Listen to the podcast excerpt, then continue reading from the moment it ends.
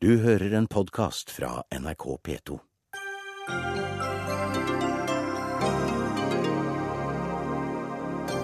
Den profilerte brexit-generalen Boris Johnson blir ikke lederkandidat for det konservative partiet i Storbritannia. Ble brexit Boris' bane, spør vi. Bør framtidige studenter betale for høyere utdanning selv? Civita tror det gir mer motiverte studenter. Men studentorganisasjonen frykter større forskjeller. Gi meg helsekø og ventetid, sier lege. Er politikerne på villspor når de jobber hardt for å få ned helsekøene? Og vi kan ikke godta syklister som legger treningsstudioet sitt midt i trafikken og ikke følger trafikkreglene, sier politiet. Jeg bruker veibanen som treningsstudio så ofte jeg kan. Hvor ellers skal jeg trene? spør landeveissyklist.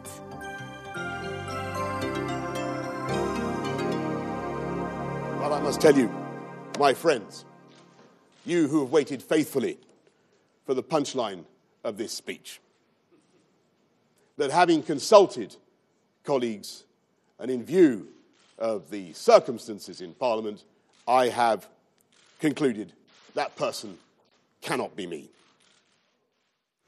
Ja, dette er Dagsnytt 18, og den du hørte var Boris Johnson. Det er store oppgaver som venter Storbritannias neste statsminister, og den personen kan ikke være meg. Johnson har vært en av de fremste kandidatene til å overta lederrollen i det konservative partiet, etter at Storbritannia i forrige uke gikk inn for å melde seg ut av EU. Kristina Solli, du er tidligere politisk rådgiver i House of Commons. Eh, du er også medlem av Oslo Høyre, for å få med det. Dette så vi ikke helt komme, gjorde vi? Nei, absolutt ikke. Det er mange som både er sjokkert og skuffet og overrasket over eh, at Johnson valgte å trekke seg, for å bruke det ordet, ja. i dag. Hvorfor gjorde han det? Um, jeg tror det er flere årsaker. Um, han har jo lenge vært kritisert for å være en løs kanon og at han da kanskje ikke har den disiplinen som skal til for å være statsminister. I tillegg så har han jo et veldig fargerikt privatliv som ville, man ville satt søkelyset på i en sånn stilling. Eh, men det er også at både under og etter brexit-kampanjen så har han blitt kritisert for å ha et veldig avslappet forhold til fakta. Og ikke minst så i Liv-kampanjen så har han uh, vært i duo med en som er, heter Michael Gove, som er justisminister, og han har hele tiden vært tydelig på at han vil støtte Johnson. I dag, i morges, så, så erklærte han at han selv stiller som lederkandidat. Og det ville splitte den livleieren, for å kalle det. Og da er eh, Da spekulerer man på at eh, Boris rett og slett så at det var for mange hindringer mm. i veien for at han nå skulle nå toppen. Korrespondent i London, Espen Aas. Hvis vi er overrasket her, så er det vel kanskje ikke noe mindre sjokk i eh, London eller Storbritannia der du er? Nei, altså Her har vi jo alle snakket om i dagevis hvordan dette skulle bli et race mot Downing Street nummer ti mellom Boris Johnson og Theresa May, innenriksministeren. London-avisen The Evening Standard var så sikre i sin sak at de like så godt uh, måkte det opp på førstesiden sin i sin første utgave i dag. En utgave som de raskt uh, måtte erstatte da Boris Johnson kom med denne noe sjokkerende avslutningen på pressekonferansen sin i formiddag, der alle satt og ventet på at han skulle fremme sitt kandidatur, men gjorde det stikk motsatte. Hvilke, hva er reaksjonene på denne siste utviklinga, da? En del er jo rasende og sier at eh, ærlig talt, eh, nå har han lagd alt dette rotet, og så overlater han til eh, noen andre å, å, rydde opp. Men ellers er det jo mange spekulasjoner. Og nå utover ettermiddagen så kommer det også rykter om at Michael Gove, justisministeren, ringte til Boris Johnson fem minutter før han annonserte sitt eget kandidatur, og at Boris Johnson skal ha blitt så paff og så overrasket over dette at det nok var det som vippet det hele over for ham, og som fikk ham til å bestemme at han ikke ville stille. Men det er jo klart, eh, Boris Johnson er en mann som vet å gripe mulighetene. Det er ikke tvil om at det er litt av en jobb som venter den som skal ta over eh, lederjobben nå. Ikke bare må du rydde opp i et parti som er eh, totalt splitret pga. alle motforestillingene og motsetningene under EU-kampen, men du blir også den statsministeren som skal utløse artikkel 50. Uansett hvor mye du har sagt du ønsker å gjøre det gjennom EU-valgkampen, så blir du den eh, statsministeren som går inn i historiebøkene som effektuerte skilsmissen mellom Storbritannia og EU. Det kan kanskje være lett nok, men det er verre å finne ut hva slags veier og hva slags avtaler Storbritannia skal ha senere. Altså, du kjenner jo det konservative partiet også innenfra. Hva slags krise eller hva slags tilstand vil du beskrive at partiet er i nå? Nei, altså, jeg vil, jeg vil si at det er ordentlig rot. Nå er det, det er ikke et annet ord for det. Proper mess var det en av de tidligere kollegaene som skrev til meg. EU-avstemningen har ført til en dyp splittelse innad i partiet. Ironisk nok, for det var jo ment som et virkemiddel for å legge EU-debatten død i partiet en gang for alle. Um, og David Cameron går av om et par uker. Han har jo vært en samlende leder. Han har vært en god leder, mener flertallet i partiet. Og det er ingen som i dag vet hvem som skal overta etter han. Mm. Det blir jo da, som Espen Aas uh, sa, spekulerte om um, Theresa May, altså hun som er innenriksminister, og hun er også et EU-tilhenger, om hun kan uh, overta. Hva kan det få å si for den videre veien, tror du, for hele utmeldinga av EU, hvem som overtar partiledervervet? Jo, det blir veldig viktig. Det er mange som mener at det må være en som stemte Liv, som nå må bli statsminister. Men samtidig så uh, er jo Theresa May kjent for å være EU-skeptisk, og alle var overrasket over at hun valgte Remain. Men det er da tydeligvis er lojalitet til David Cameron når hun gjorde det den gang. Så det er litt halvhjerta Remain? Hun ble kritisert for det i forkant. Nå vil det jo være til hennes fordel. Men hun sa i dag i talen sin at hun Folk har talt, det blir brexit. Dersom hun blir statsminister, så ønsker hun å opprette en egen minister for brexit. Og hun ønsker også å ikke utløse artikkel 50 før året er omme. Så hun har en helt klar brexit-strategi som hun lanserte i dag i talen sin. Og hva slags konkurranse får hun, Espen Aas? Vel, Det er jo Michael Gove som eh, blir på en måte jokeren her i utgangspunktet. Men la oss huske på at eh, Det konservative partiet har en historie som er full av overraskelser når det gjelder ledervalg. Det er David Cameron et eksempel på, det var John Major et eksempel på, William Haig og Margaret Thatcher. Så det er jo flere andre som eh, er mulige kandidater. Men sånn som det er nå, så har vi jo to veldig erfarne politikere. Og Theresa May fremhevet jo dette veldig i talen sin i dag, at hun hadde sittet ved bordene i EU før og vunnet eh, kamper, så hun var den klart beste kandidaten til å gjøre det. Men Michael Gove var også en mann som imponerte veldig under EU-valgkampen, under utspørringene. Han har jo alltid vært en litt eh, uforutsigbar eh, figur, med bakgrunn som, som avisjournalist. Men han var jo en av de aller, aller flinkeste i utspørringene, spør du meg. Og han kan nok bli en tøff negl for Theresa May, og han kommer sikkert til å la henne få gjennomgå ganske saftig når det gjelder innvandring, arbeidsinnvandring og annen innvandring innvandring, for det har vært hennes eh, eget eh, ansvarsområde helt tilbake fra 2010. Og nettoinnvandring har vært stor, og det var blant kampsakene hans. Men hun mm. er også sjefen hans eh, i rangordningen. Hun er innenriksminister og står over justisministeren, så det skal bli veldig interessant å se noen av disse debattene. Men jeg tror også noen av de litt mindre profilerte kan bli spennende å se her. Folk som har vokst opp på, i, i kommunale boliger under trange kår, som nå har vært ministre, og som har tenkt å kjempe med alt de har eh, for å eh, komme frem til døra nummer ti. Ja, For det er andre saker enn bare EU som, som kommer til å avgjøre hvem som skal bli partileder? Ja, Nå kommer det til å, handle om hva slags politikk eh, partiet skal føre fremover. Eh, David Cameron hadde jo sine visjoner da han struttet av selvtillit på landsmøtet i fjor eh, høst. Nå vil jo bli mye av det legges til side. Men det er klart den økonomiske politikken her blir jo veldig spennende. Og hvem skal f.eks. være finansminister? Det er jo de færreste som tror at han heter George Osborne, som er dagens finansminister. Han har jo også varslet at det må komme en del kutt. Den engelske sentralbanken har i dag sagt at den er nødt til å komme med en del tiltak. Kanskje blir det et rentekutt nå for å få økonomien på rett kjøl. Er, vi har sett nå et stort England særlig som har sagt at vi har det ikke noe bra. Eh, og vi tror i hvert fall ikke at EU er, eh, er veien eh, videre. Det er utbredt fattigdom i dette landet. Store, store forskjeller. Og det var ikke uten grunn at Theresa May brukte såpass mye av talen sin til å poengtere nettopp det. Det handler om å, å samle landet, og så utnytter de også selvsagt at det britiske Arbeiderpartiet Arbeiderpartiet Labour er i total kaos også, eh, til å muligens sope med seg et par velgere på veien. Ja, det er nok å ta tak i britisk politikk. Kristina Solli, det har jo også vært spekulert i om Boris Johnson eh, trekker seg nå, eller ikke trekker seg, men lar være å gå for eh, partiledervervet, for så å komme sterkere tilbake om fire år f.eks. Hva tror du om en sånn analyse? Ja, han er jo fullstendig uforutsigbar og har uh, vært det i over lang tid. Så det, ingenting er umulig med Boris. Men det er klart, uh, veldig mange av hans støttespillere har nå fått en smell i dag og er veldig skuffet over det valget han har tatt. Så det vil nok være en ganske tøff kamp tilbake for ham, i så fall. Men var det vanskelig for ham etter hele det brexit-opplegget, for å si det sånn, å stille som kandidat? Det som eh, har vært eh, et eh, punkt på kritikk av han, er at det virket som at liv, altså livleiren hadde ikke noe de hadde ikke noen plan. De hadde ikke forventet å vinne, så nå hadde de ikke noe plan for hvordan eh, det skulle forløpe seg den, med Storbritannia utenfor EU. Mm. Og eh, mange begynte å kritisere ham for at han hadde gått tilbake på de tingene han hadde sagt i kampanjen. Og det, det, var, nok, det var nok ikke noe positivt for ham. Det må jeg si. En siste spekulasjon på tampen, Espen Aas. Kan det gå mot nyvalg i Storbritannia? Ja, Det er jo det spennende. Nå har det gjort om valgsystemet i Storbritannia. Før så kunne jo en statsminister skrive ut eh, nyvalg eh, innenfor en viss tidsperiode når det passet eh, meningsmålingene. Det er det jo slutt på. Så i utgangspunktet så kan det ikke skrives ut valg nå før i 2020.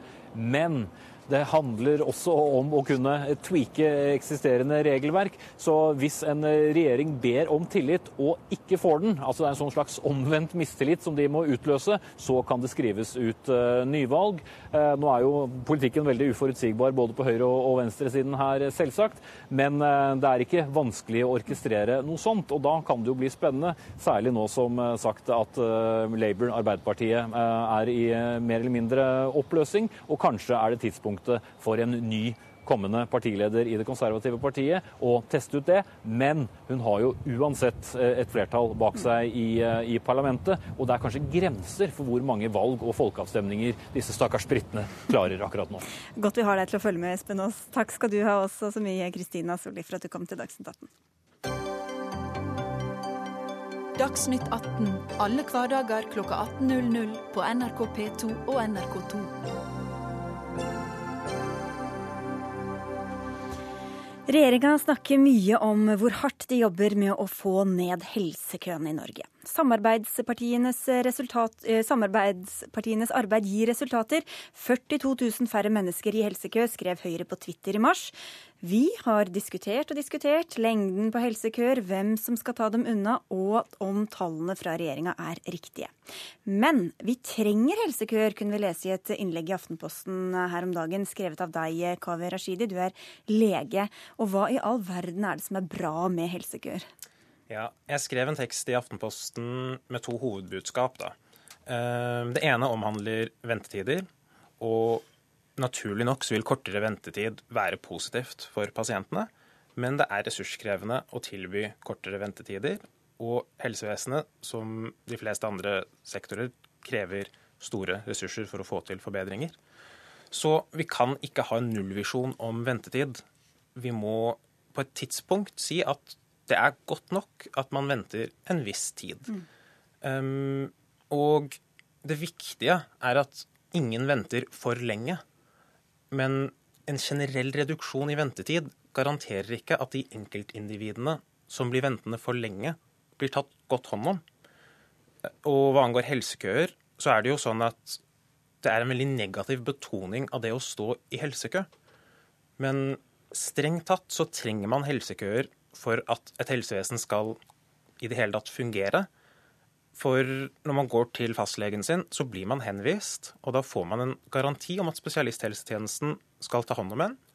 Men det vil nødvendigvis ta en viss tid, og den tiden Da står man i en helsekø. Mm. Men hvis man bare har en litt annen terminologi på det, hvis man f.eks. i stedet for å kalle det for helsekø, som et tankeeksperiment kaller det for en helse-VIP-liste, for det er på en måte det det egentlig er. Ja, du er garantert behandling eh, innen en viss tid? innen en tid mm. som er forsvarlig.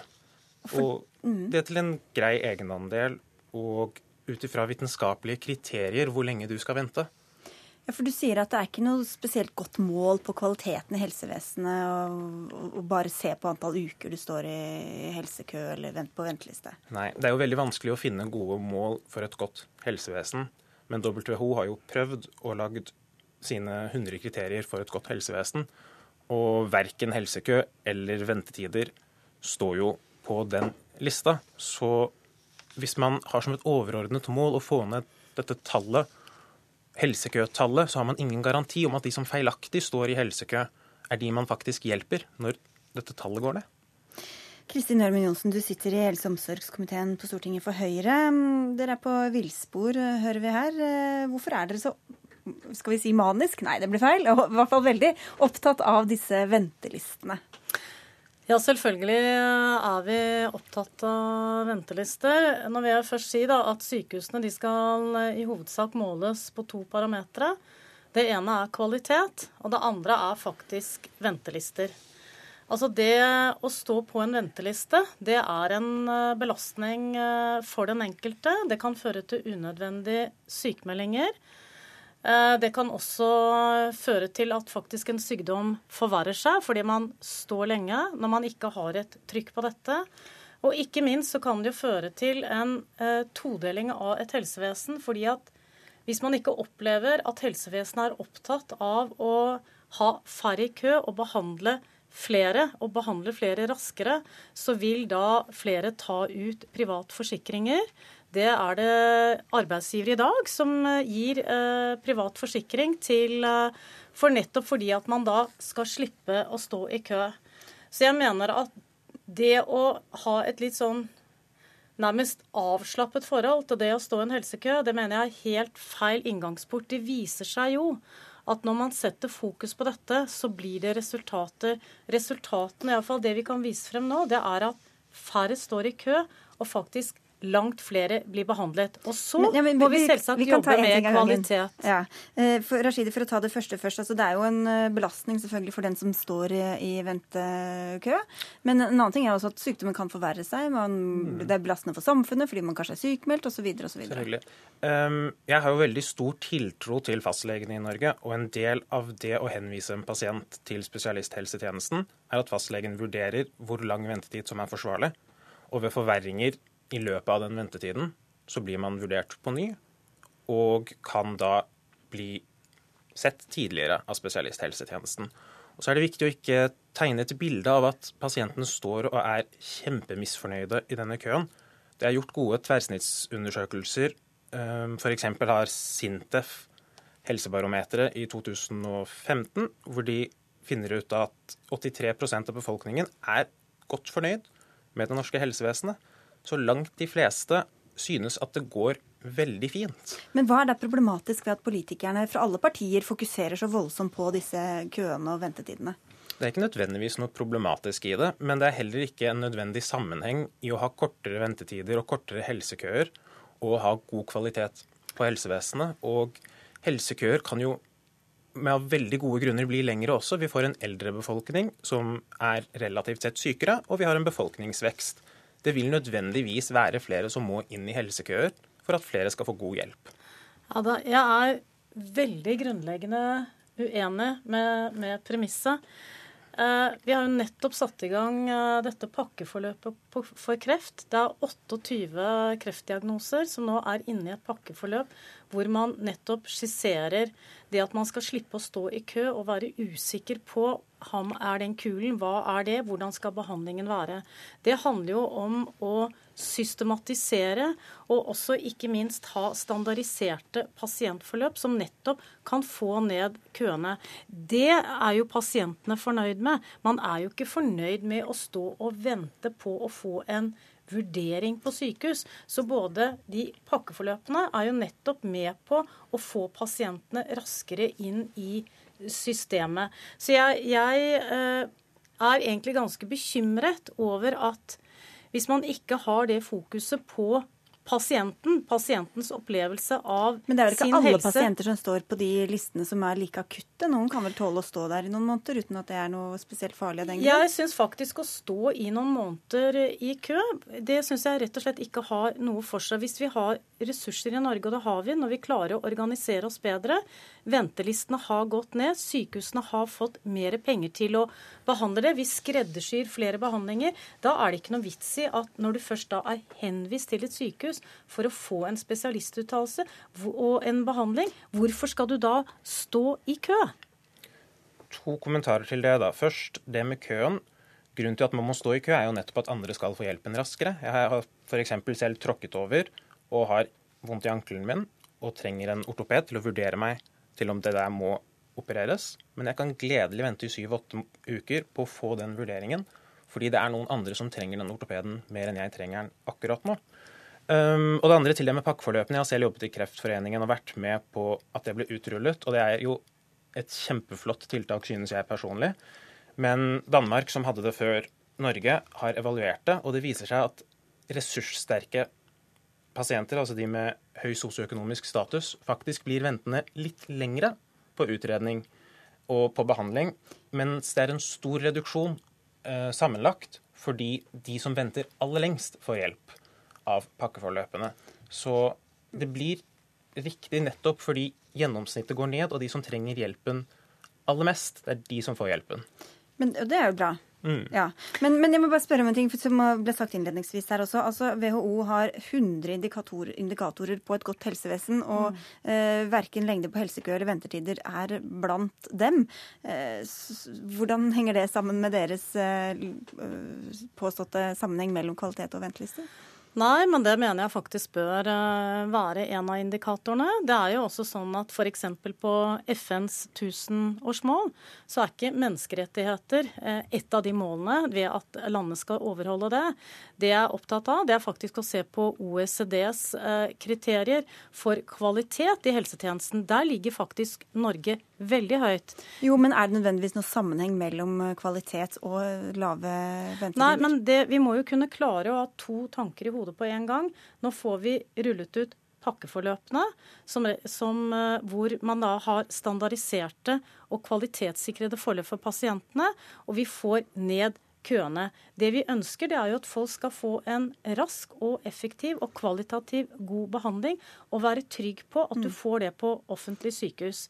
Jeg er veldig bekymret for at hvis man tenker at dette med køer det er ikke så farlig om en står, står, i en kø, så vil en god del da tenke at da vil vi heller ha en privat forsikring, og vi får et todelt helsevesen. De som da har råd til å forsikre seg og bruke det private, og de som da vil stå i køer i det offentlige. Det er, jo, det er det jo ingen av oss som ønsker. Nei, jeg skal få svare på det veldig kort, men jeg skal bare spørre deg også, for det er jo også sånn at politikere fra alle partier liker og er veldig godt å kunne trekke fram summer og tall osv. Så, videre. så hvor lett er det på en måte for dere å kunne ha en sånn se ventelistene er gått ned, vår politikk virker, og kunne vise til noe sånt? Selvfølgelig er det bra. Det er jo det vi har gått til valg på. Vi, køene vokste. Vi ønsket å få køene ned, vi ønsket å få flere behandlet, og vi ønsket å få folk raskere behandlet. Og de, de tiltakene som regjeringen har gjort, har jo vist at det nytter. Og da var det det todelte helt på tampen her, eh, Rashidi. Ja, jeg er helt enig i at vi ikke burde ha et todelt helsevesen. Men jeg tenker også at hvis fastlegene er gode, og det tror jeg de absolutt er, til å forklare pasientene hvorfor de venter, og forklare systemet, så kommer pasientene til å gå ut av fastlegekontoret kjempefornøyde med å stå i helsekø. Ja, Det er jeg i tvil om. det får bli siste ord. Takk skal dere ha begge to, Kristin Ørmen Johnsen fra Høyre og lege Kaveh Rashidi. Takk.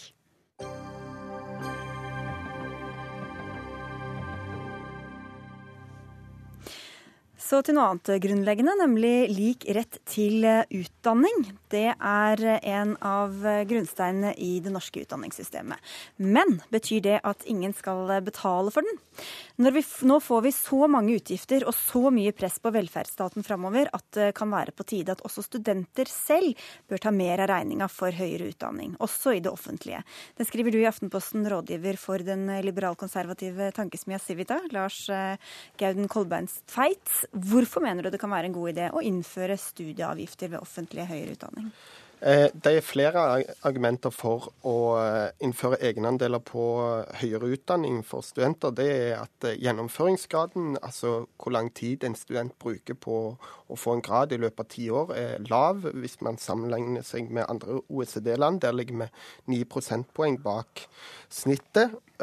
Og det er, som du nevner i innledningen her, at det, det er mange velferdsgoder som har egenandel allerede. og da er det, syns jeg det er viktig å kunne diskutere om vi kan òg innføre det på høyere utdanning. og det kan være, ha en god omfordelende effekt, for de som studerer i dag, de ender opp ofte med gode jobber og godt betalte jobber, men de får utdanningen sin gratis.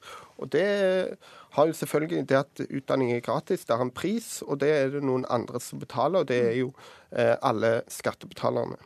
Ja, Marianne Andenes, du er leder i Norsk studentorganisasjon. Hvorfor skal man ikke betale for det enorme gode som en utdanning er? Først må jeg jo understreke at det faktisk ikke er gratis å studere i Norge i dag. Du må betale minst, eller ta opp minst 350 000 i lån for å ha en eh, femårig utdanning. Og så må jeg også legge til at studentene jobber jo. Eh, åtte av ti studenter jobber ved siden av studiene. Og nå blir det også foreslått at da de skal ta en enda større del av regninga. Eh, det er på ingen måte rettferdig. Og man må også huske på at man går ut i arbeid etterpå. Og da vil man også være en bidragsyter til samfunnet som gir tilbake over skatteseddelen. Men det gir også tilbake til deg selv, da, hvor du har muligheten til å betale for den utdanninga som ga deg den jobben. Ja, men nå må vi huske på at vi ønsker et utdanningssystem hvor alle har like muligheter. Eh, både til å komme inn på høyere utdanning og til å gjennomføre høyere utdanning. Og en innføring av studieavgift vil ikke gjøre det. Og jeg syns også det er et feil måte, fokus i et år hvor eh, man trapper opp til en ny kvalitetsmelding om, høy, om høyere utdanning å snakke om skolepenger, fremfor å faktisk snakke om tiltak som kan øke eh, kvaliteten. Og det, det, det, ønsker jeg gjerne å utfordre Civita på, om de har liksom noen andre tanker om hva man skal gjøre for å få flere til å dra på utveksling. Skal vi... Det er en litt annen debatt enn den vi skal ha. Ja, men det er det en debatt om kvalitet i høyere utdanning bør handle om. Ja. Da tar vi den en annen gang. Men vi altså, ønsker jo at mange skal studere.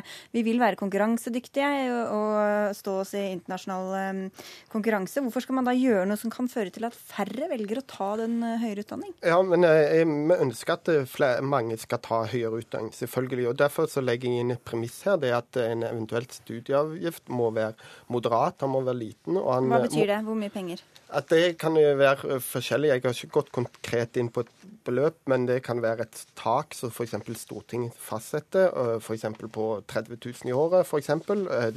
Og så kan institusjonene velge innenfor det. Det kan være en sånn liberal modell.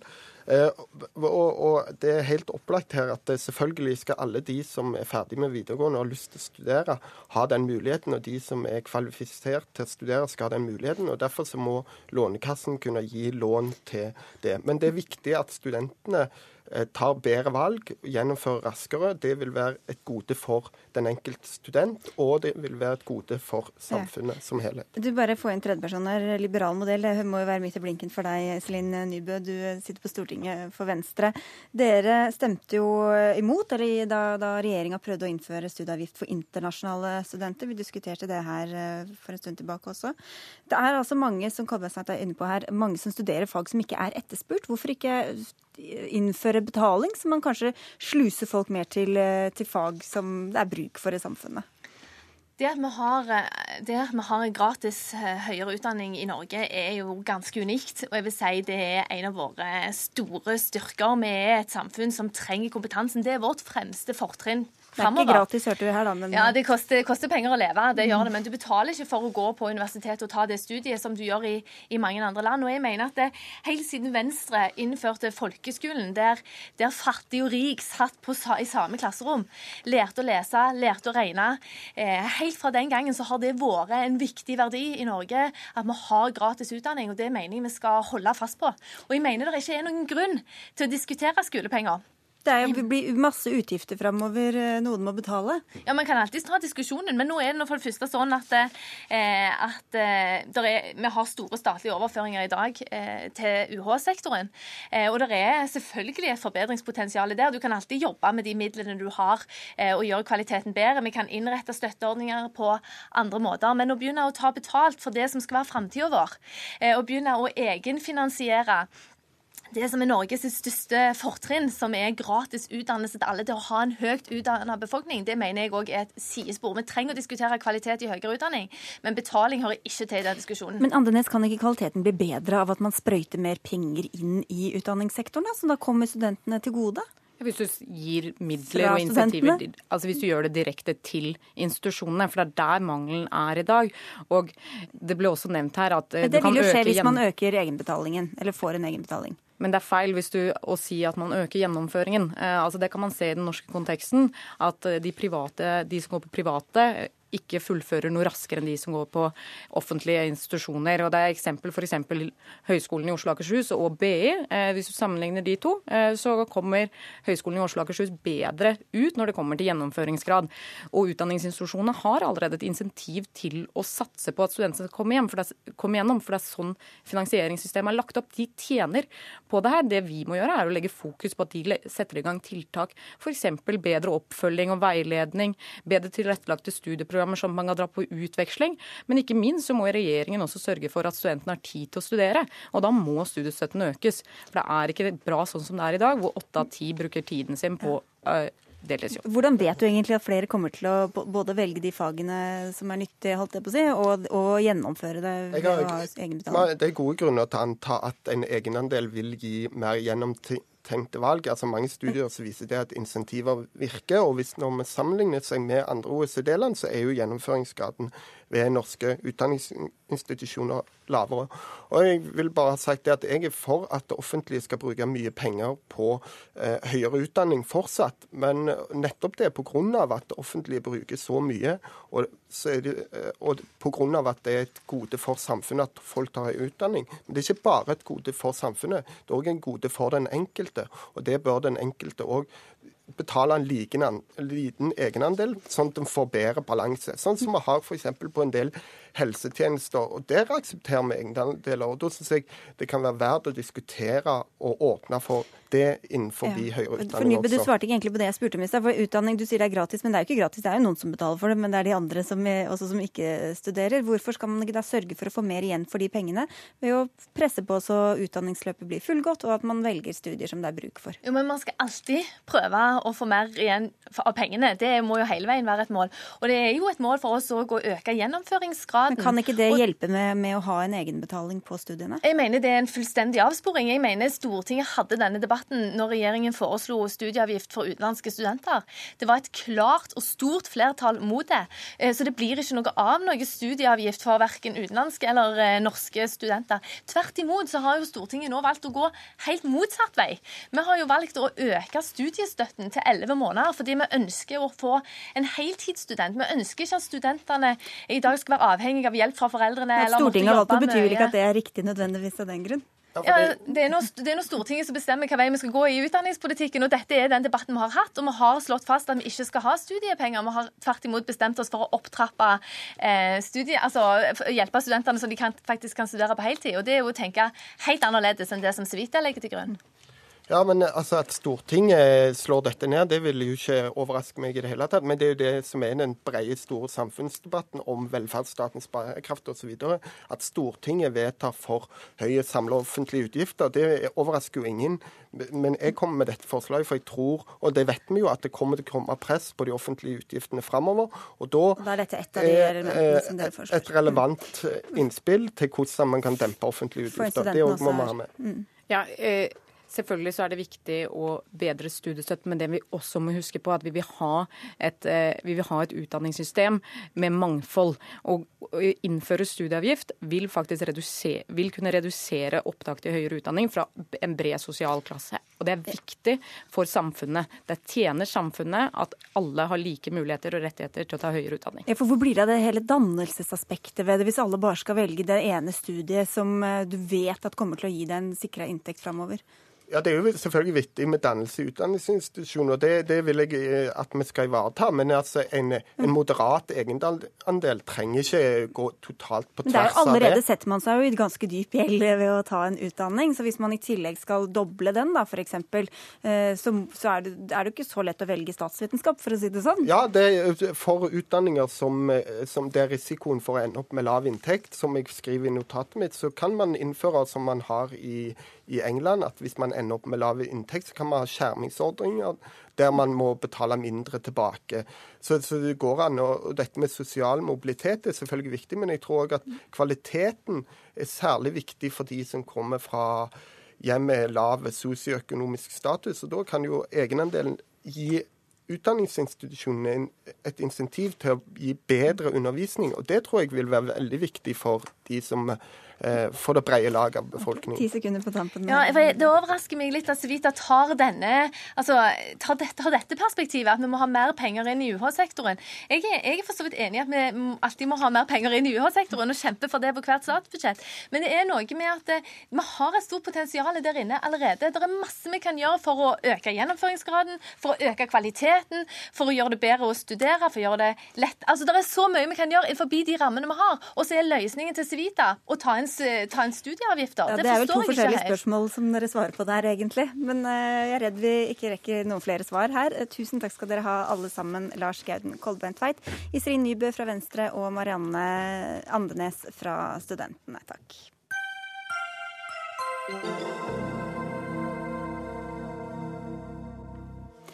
Kaster du flasker fra deg på gata eller i naturen? Ville du i så fall latt være hvis du fikk mer igjen for å pante dem enn det du får i dag? Hver dag kommer rundt 100 000 bokser og flasker på avveie i Norge, skriver Aftenposten. Og for å få det tallet ned, tar Naturvernforbundet til orde for å heve panten. Holger Slaupitz, du er fagsjef i Naturvernforbundet. Hvorfor tror du at det er den lave pantesummen som får folk til å kaste fra seg flasker og bokser, og ikke f.eks. at det er mye å drasse på eller langt til nærmeste butikk? Ja, altså Det er jo sikkert flere årsaker til det, men uh, det er jo åpenbart at uh, hvis du bare får ei krone for å pante ei flaske, så er ikke det så veldig stor premiering av den enkelte forbruker for å opptre miljøvennlig. Og nå har vi hatt samme pantesats på de små flaskene og boksene i 30 år. Samtidig har vi blitt rikere og rikere, så her må noe skje. Hvor skadelige er disse boksene og flaskene for naturen og for dyrelivet? Ja, Det er to hovedproblemer. Det ene er jo det at de havner ute i naturen og er et forsøplingsproblem. Dyr kan få det i magen, de kan eh, bli kvert og drept og ødelagt mye. Samtidig så er det det at ressurser kommer på avveie. Ressurser som skulle vært gjenbrukt, altså plast og metall, som er ressurskrevende, klimaskadelig og naturødeleggende og, og ut utvinne, som nå forsvinner ut av kretsløpet. Og det er et stort problem. Petter Nome, du er direktør i Bryggeri- og drikkevareforeninga. Er det en god idé nå etter 30 år å skru opp panten en smule? Ja, Hvis det hadde hjulpet, så skulle jeg gjerne skrudd den opp både én og to og tre gangeren. Men jeg er jo redd for at det vil virke fullstendig mot sin hensikt. Altså, For det første, la meg bare arrestere et tall her. Eh, han sa at, eller Aftenpost eller hvem det var, at 100 000 bokser forsvinner hver dag. Det er jo ikke riktig. Det er noe under halvparten, ca. 49 000 bokser, som det ikke kan gjøres rede for. Det er ille nok. Jeg er helt, helt enig med Naturvernforbundet i at dette er et utrolig verdifullt materiale som bør gjenvinnes. Ehm, at det er et veldig stort problem med naturforsøpling, det kan jeg ikke helt forstå, for det ser jeg aldri noe til. Det jeg ser derimot, Ser du aldri flasker og bokser i naturen? Ja, vet du hva? Nå må du gå ut litt mer, tror jeg. Ja, jeg er ganske mye ute i naturen. Jeg ser ganske ofte polske bokser, og der er vi ved kjernen i dette. Fordi uh, øl og mineralvann er ikke dyrere i noe annet land i verden enn det er i Norge. Og En vesentlig grunn til det er at vi har veldig høye avgifter. Og Det vi er redd for, er at hvis folk opplever at det blir dyrere, så vil grensehandel og smugling øke enda mye, mye mye mer. Men panten er jo bare en sum som du skal få tilbake. Ja, jeg... Er folk så dumme at de ikke skjønner at ja, altså, Dette er litt sånn forbrukerpsykologi. Det virker faktisk sånn. Jeg diskuterte dette med noen tenåringer i dag. og liksom snakker om at panten skal økes, og da blir det dyrere, sier de. Nei, se, det blir jo ikke dyrere, du får jo igjen pengene. Å ja, liksom. Så, men dette er litt sånn opplevd pris. og altså, det, det, vi opplever i dag, det er jo at vi får inn årlig over 200 millioner øl- og brusbokser fra Sverige. I tillegg kanskje 20 millioner ølbokser fra Polen pga. smugling.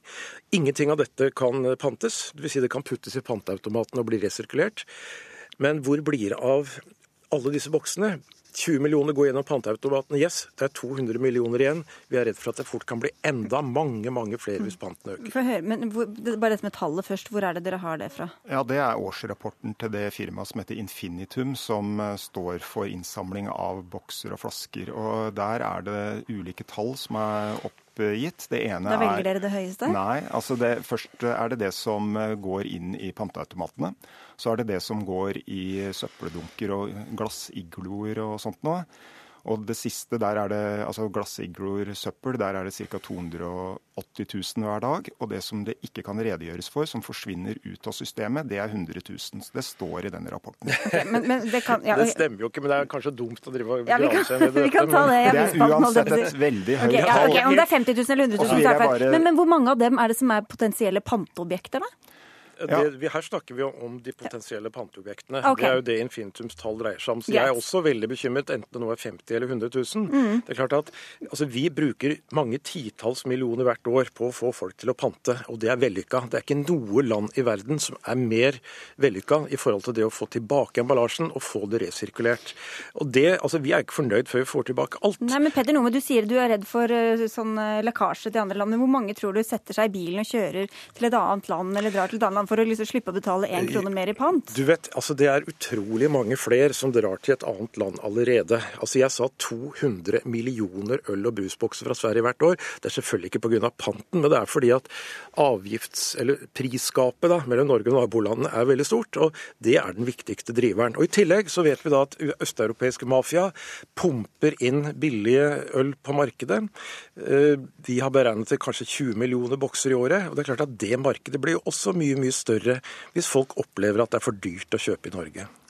Ja, altså, det virker som vi er rimelig enige om at eh, så mye som mulig må pantes. Det er vi. Og det, det er jeg glad for. Og, eh, men vi er ikke helt enig i problemet med det som forsvinner ut i naturen i dag, når du sier at du nesten ikke ser noe Man ser de polske boks- boksene. Ja, altså, Jeg har ferdes mye langs veier og i mindre steder i dette landet, og der er det ikke så mye folk som plukker pant fordi de har enten sosiale problemer eller trenger penger av annen grunn. Og, og der er det mye også norsk som ligger strødd langs riks- og fylkesveier og på mindre steder. Og det er åpenbart at det er altfor lett for folk å bare åpne opp vinduet og heve det ut. Men, men tror du at liksom, de som er miljøvennlige eller opptatt av å resirkulere, at de gjør det uansett om, du får én kroner eller tre kroner tilbake når du gjør det? Mens, det, mens med mindre du skrur opp summen veldig mye, så blåser folk litt i det. Om det Altså, jeg jeg, jeg jeg, jeg, jeg, det er Du spør meg, altså Nei, jeg spør jeg vil eh, svare kort på det. Altså, det, er, det er åpenbart Hadde du fått en femmer for en boks eller en flaske, så hadde det vært mye mer attraktivt å pante. Jeg mener det, Vi ser hvordan det diskuteres, hvordan prisvirkemidler funker. og Dette her er noe som vi har fullt mulighet til å gjennomføre. og det er klart Du løser ikke alle problemer. Jeg vil gjerne si noen ord om det med import og, og grensehandel og andre flasker og bokser også. Men på det vi har pant på i dag, så er det åpenbart at du kan øke det med økt pant. Det, jeg kan ikke se noe godt argument mot det. Nei, altså, Jeg er helt enig i at det blir mer attraktivt å pante hvis, eh, hvis panten blir høyere. Ikke noe tvil om det. Det vil jo være absolutt en gavepakke til, til romfolk og rusmisbrukere. Det, det vil gjøre gjøre Ja, tror du ikke at det får noen flere til å jo, pante det sine jeg tror egne det vil få noen flere, men jeg er usikker på om panten er liksom det eneste svaret. Det jeg tror vi skal jobbe videre med, er å gjøre det enklere å pante. Det at det er muligheter for å få inn pengene sine på skoler, på idrettsarenaer, på badestrender, på kiosker og bensinstasjoner, altså steder hvor folk ikke tenker på å pante i dag. Nå handler det liksom om å gå i Kiwi-butikken og putter det i panteautomaten. Jeg tror vi skal gjøre det mye, mye enklere mange flere steder. Det er dere helt sikkert enige om, vil jeg tro, men du ville slå tilbake mot noe sånn eksport-importopplegg her? Ja, det, er, altså, det er to eller tre utfordringer med forsøpling gjennom emballasje. Det ene er jo disse som, flaskene og boksene som vi har pant på. Men så er det jo veldig mye også norsk eh, boks som har kommet Hva er det- hva er det Flasker av typen eh, øl. Coca-Colas engangsflaske nå, som det ikke er pant på i det hele tatt. Hva skal til for å få bli med i den panteordningen? da? Ja, Jeg mener at disse her, Dette må jo bransjen og Petter Nome få ordna opp i. At eh, alt som er eh, mulig å kjøpe i norske butikker må inn i panteordninga. Og det håper jeg at han og bransjen vil jobbe for. For det, det er et nytt forsøplingsproblem, et nytt ressursproblem som vi har fått eh, nå de siste par åra. Jeg vil gjerne svare på det. For det første, alt som finnes av, av flasker, og, eller altså plastflasker og bokser som er importert eh, legalt, det er i pantesystemet. Når det gjelder flasker, så har det jo skjedd en ganske sånn dramatisk endring, altså glassflasker, fordi Du må det- være litt rask i Ja, det, det blir færre og færre av dem. altså Mer og mer går over på boks. Men det har blitt sånn nå at istedenfor ombruksglass, så er det eh, resirkuleringsglass. Men det er ikke pant på det? Nei, det er ikke det. Og dette har vi hatt en ganske intens diskusjon om. Og noen har kommet til at, at den innsamlingsordningen som finnes i dag, med igloer og sånn, er bedre enn panteordning. Men da må du ta deg en tur ut i parkene i Oslo og se hvor mye som flyter av det. Da må dere ta en intern diskusjon på det igjen, tror jeg, Petter Nome, for å få Holger Sleipet seg fornøyd. Vi er nødt til å avrunde. Takk skal dere ha, begge to. Ja. Hør Dagsnytt 18 når du vil. Radio NRK Radio.nrk.no.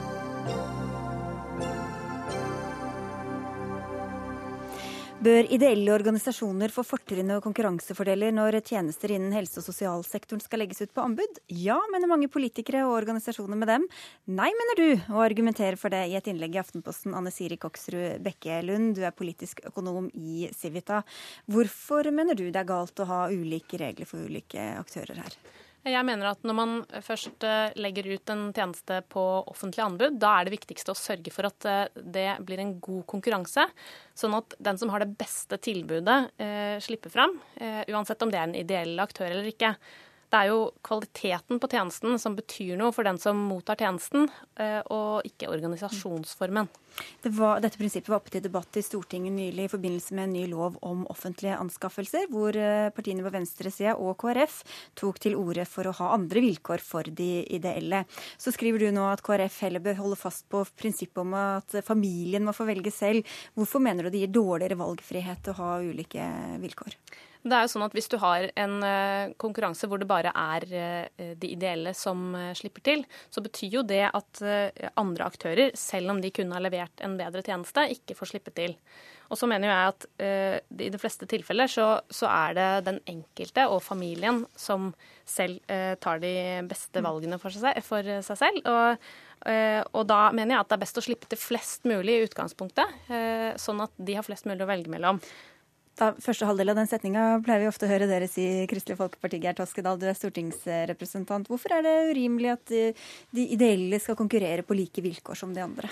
Ja, det er, er, jo mange brist eh, i den logikken som jeg finner i artikkelen til Bekkelund. Men først av alt, det norske samfunnet har et stort behov for eh, omsorgstjenester innen rus, psykiatri, barnevern, helse og sosial. Et bredt spekter, der vi alle kjenner til hva Frelsesarmeen betyr. Blå Kors, Kirkens sosialtjeneste, eh, Evangeliesenter og en rekke andre organisasjoner. Vi mener at det offentlige skal ha det primære tilbudet. Så er det kommersielle aktører som skal på banen, men vi mener at de frivillige må få et ekstra rammevilkår. Men hvorfor kan de ikke konkurrere på lik linje med andre hvis de har så godt tilbud? Jo, de kan konkurrere med, på likhet med andre. De skal ha førsteklasses kvalitet, så tjenestene skal være lik. Men vi mener at de frivillige organisasjonene har andre vilkår. De er ikke ute etter å tjene penger på samme måte som de kommersielle er. Men likevel så vil de bruke pengene sine til å øke sitt tjenestetilbud, til å forbedre sitt tjenestetilbud, til å forbedre boligmasse. Eh, og det er det at Disse frivillige har jo et enormt bakland. Det er jo et folkelig engasjement som står bak en del av dette. Og det vil være forunderlig om en ikke legger til rette for de store frivillige organisasjonene. Og Hvis målet er mest mulig differensiert, så er det vel bra også å ha flest mulig typer eh, organisasjoner? Det er veldig bra at eh, det også finnes ideelle aktører. De er med og gir et viktig bidrag til mangfoldet i tjenestene.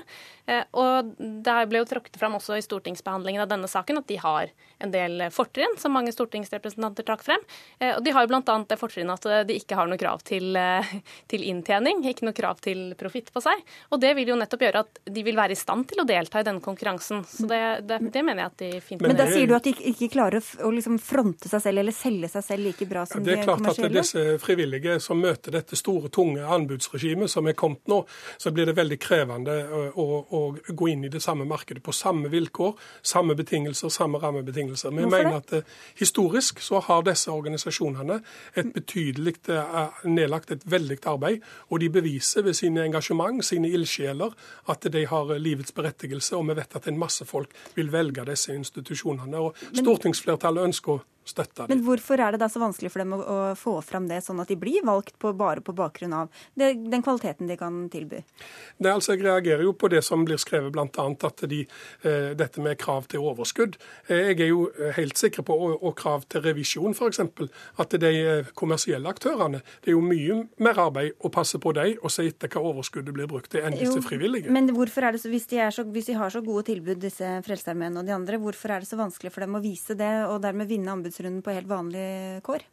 Det er fordi at vilkårene lista blir lagt som om du er en kommersiell aktør eller kommune eller offentlig instans. Og det mener vi gir de et, eh, gir de et fortrinn som de andre burde fått en kompensasjon for. Og da er det ikke nødvendigvis de som har best tilbud som vinner, da? Nei, altså, jeg mener at det som jo egentlig eh, jeg opplever at eh, er saken her, er jo at anbudsregimet er komplisert.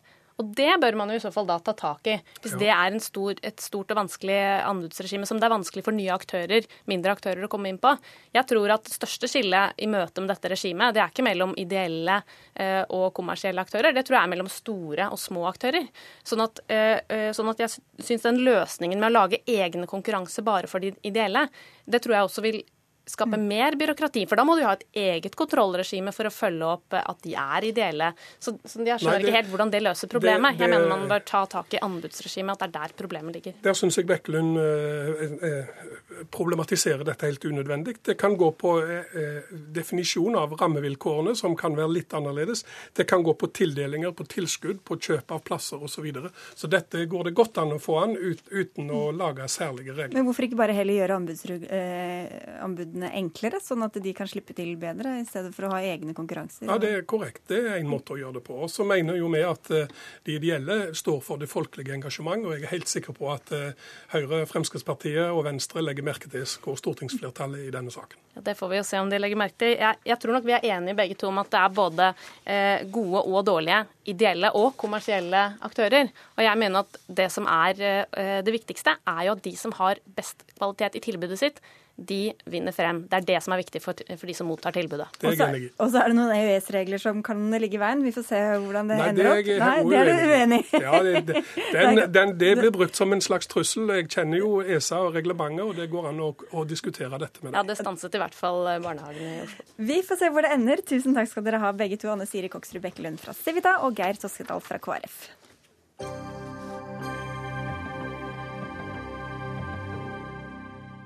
Lite skaper mer oppheta debatt enn kampen mellom bilister og syklister om plassen i trafikken. Og nå frykter Vegvesenet for sommerulykkene etter mange dødsfall på veiene de siste månedene. I Akershus har landeveissyklister hissa seg opp eh, de siste dagene og krever at politiet trekker en uttalelse om at syklister ikke bør bruke veiene som treningsstudio. Det er i avisa Asker og Bærum Budstikke det hele startet. For Politiet må avstå fra å kaste bensin på bålet ved å ta parti i en allerede opphetet sykkeldebatt, sier du, Stein Refsland. Du er landeveissyklist og en av lederne i Bærum og omegn sykkelklubb. Mm. Hvordan har politiet tatt parti i denne saken? Eh, politiet ved politimann Stig Wette Johnsen eh, gikk helt riktig som du sier her nå ut i Askebærens Budstikke 28.6 eh, og sier at politiet ikke kan godta at syklister bruker landeveien som sitt treningsstudio. Og da, da, er vi i gang, altså. Du, du, ser hvordan dette har tatt av på medier. Bilister eh, flommer over at bilistene nå sier 'bare meg dem ned' osv. Det er faktisk ganske grove ting så, som kommer i stort antall eh, fra den uttalelsen. Eh, sånn at Poenget mitt som landeveissyklist har selvfølgelig vært, eh, vært først og fremst å, eh, å snakke med politimann Stig Wetter Johnsen. og Eh, hører rett og slett, Mener han det som står i Budstikka? Er det altså slik at politiet ikke eh, ønsker syklister velkommen til å bruke landeveien som sitt treningsstudio? Så det, det, Jeg vil gjerne spørre Stig Vetre Johnsen ja, du, Det er litt av et sammentreff, for du sitter jo her, eh, Stig Vetre Johnsen. Du er altså leder i Felles operativ seksjon i Bærum politistasjon. Og du er lokallagsleder i NAF også, som vi kan komme tilbake til. Men beskriv hva som fikk deg, hvilke eksempler du har på, på hva som fikk deg til å gå ut mot disse Bakgrunnen for utspillet det var en del henvendelser om syklister som brøyter seg fram på andre trafikanters eh, bekostning. I siste tiden har jeg fått melding om eh, singelsyklister som er da på treningssykkeltur. Og når man er på denne treningssykkelturen, så ønsker man å maksimere treningsutbyttet. Og når man da ferdes i trafikken på den måten, så glemmer noen av disse, jeg poengterer noen, det gjelder ikke alle syklister, det er, det er nok et klart mindretall i det, men jeg sier noen, som da glemmer at de er trafikanter. Og når man ferdes i trafikken, så må man forholde seg til de trafikkreglene som gjelder. Derfor kom utspillet om å ikke legge treningsstudio ute i trafikken, hvor noen syklister ikke forholder seg til trafikksikkerhet. Dere er helt sikkert enig i at alle skal eh, overholde trafikkreglene, men hvorfor skal man i det hele tatt bruke veibanen som treningsstudio? Jo, hvor skal vi ellers trene? Altså, det er jo slik da med landeveissykling at eh, landeveien er vårt treningsstudio. Eh, man kan like det eller ikke, og, men slik er det. Altså Landeveissykling både i konkurranse, eh, sykler man Trondheim-Oslo, sykler man eh, Norgescup, eh, eller sykler man eh, andre vanlige turer, Tyrifjorden rundt, Nordmarka rundt osv., så, videre, så skjer rittene på landevei. Eh, og, det, det, gjør også treningene. Det, det er slik. Eh, så, så, jeg vet ikke hvor eh, Stig ellers mener at vi, vi, skulle trene hvis ikke vi skulle trene på landeveien. Det er vårt treningsstudio, altså. Det må vi liksom ha forståelse for. Og til det er det jo helt klart å si at selvfølgelig så skal landeveissyklister trene på landeveien. Ja. Men de må gjøre det på en slik måte at det ikke utgjør en trafikkfare for andre medtrafikanter. Mm. Nå skal vi nok eh, si at det norske trafikksystemet er ganske eh, er dårlig tilrettelagt for de ulike trafikantgrupper. Og vi får veldig mange konfliktpunkter. Verdens minste veiskulder er den eh, norske. Den er mm. vel kanskje på 10-15 cm. Og det er ganske krevende for syklister å ferdes på landeveien, hvor da vogntog og andre biler eh, skal passere i mm. stor hastighet eh, med kanskje en meters klaring. Men da blir du beskyldt for å nøre opp under den potensielle konflikten og reelle konflikten som vi ser hver altså, dag. Altså, poeng, Poenget som jeg syns er rett og slett at jeg, jeg, leser at det er en forskjell mellom Stig Werte Johnsens intensjon og, og, og den reelle konsekvens. Eh, når jeg hører Stig Wetter Johansen eh, argumentere her nå, så er jeg helt eh, oppriktig overbevist om at han ønsker at det skal nærmest være kardemommetilstander ute på landeveien. Og det ønsker jeg også. Men det er, altså, det er altså sånn at trafikkreglene gjelder ikke bare for syklistene, de gjelder for absolutt alle. Sånn at denne diskusjonen som går ut på å kaste småstein mot eh, grupper og trekke frem enkelteksempler mot hvor slemme er syklistene, for i dag så så jeg en syklist som gjorde det og det. Eh, det blir veldig feil. Det finnes eh, sannsynligvis flere eksempler på bilister som har stygg atferd. Sånn at politiets oppgave mener jeg må være å slå ned på de som kjører ulovlig. Og det må gjelde alle kjøretøygrupper. Og når politiet engasjerer seg i samfunnsdebatten, så mener jeg de må være særlig eh, forsiktige med hvordan de formulerer eh, seg og går frem her. For ellers så, Nå ser du hvordan denne debatten her har tatt av. Det har jo blitt noen klikk på sosiale medier i en dimensjon som er ganske enorm. få svare på det. Altså, om du har tatt parti og nører opp under den konflikten Nei. og sender et signal til litt sånn aggressive bilister da, som syns det er skikkelig irriterende med de der landeveissyklistene? Og eh, ta mitt innspill i Budstikka som signal om at man skal hetse syklister, det er fullstendig feil. Og da har man ikke lest hele artikkelen eh, i forhold til hva man tar opp. Jeg tar opp i den artikkelen at man må forholde seg til trafikkreglene når man er ute og trener på sykkel, ikke noe mer enn det. Og at dette gjelder noen, og gjelder overhodet ikke alle syklister. Og eh, når man ferdes i trafikken, så det, skal det være en god samhandling mellom de ulike trafikantgrupper, fotgjengere, eh, syklister og bilister. Og det påhviler et ansvar for alle grupper å forholde seg til hverandre på en god måte. Men så blir det trukket fram at du også er lokallagsleder i NAF, og uttaler deg, men du uttaler deg som politi? Ja, og i sånne spørsmål så uttaler jeg meg som politi. Du har ikke tatt bilistenes side i denne saken? Nei, nå er NAF det er en trafikantorganisasjon som eh, favner alle trafikantgrupper. Det er ikke så mange syklister og fotgjengere som er medlemmer? Eh, faktisk, eh, det er 60 000, så jeg tror faktisk eh, 60 000 av våre 500 000 medlemmer er da aktive syklister. Så vi har en stor brukergruppe å ta vare på der. Ja, det var det min eh, feil.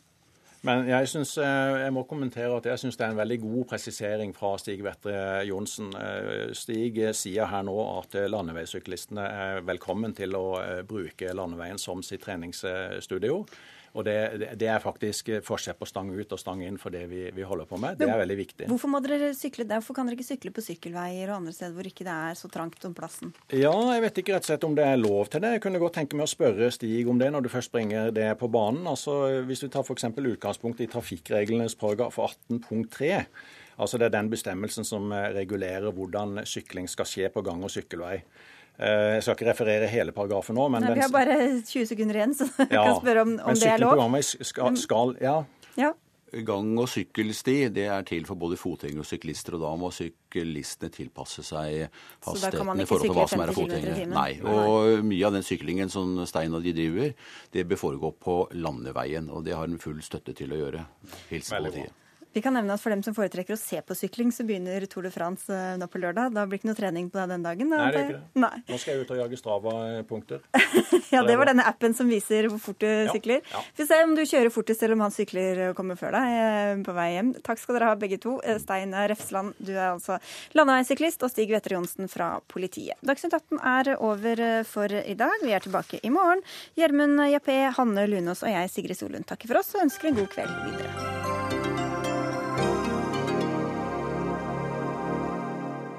Du har hørt en podkast fra NRK P2.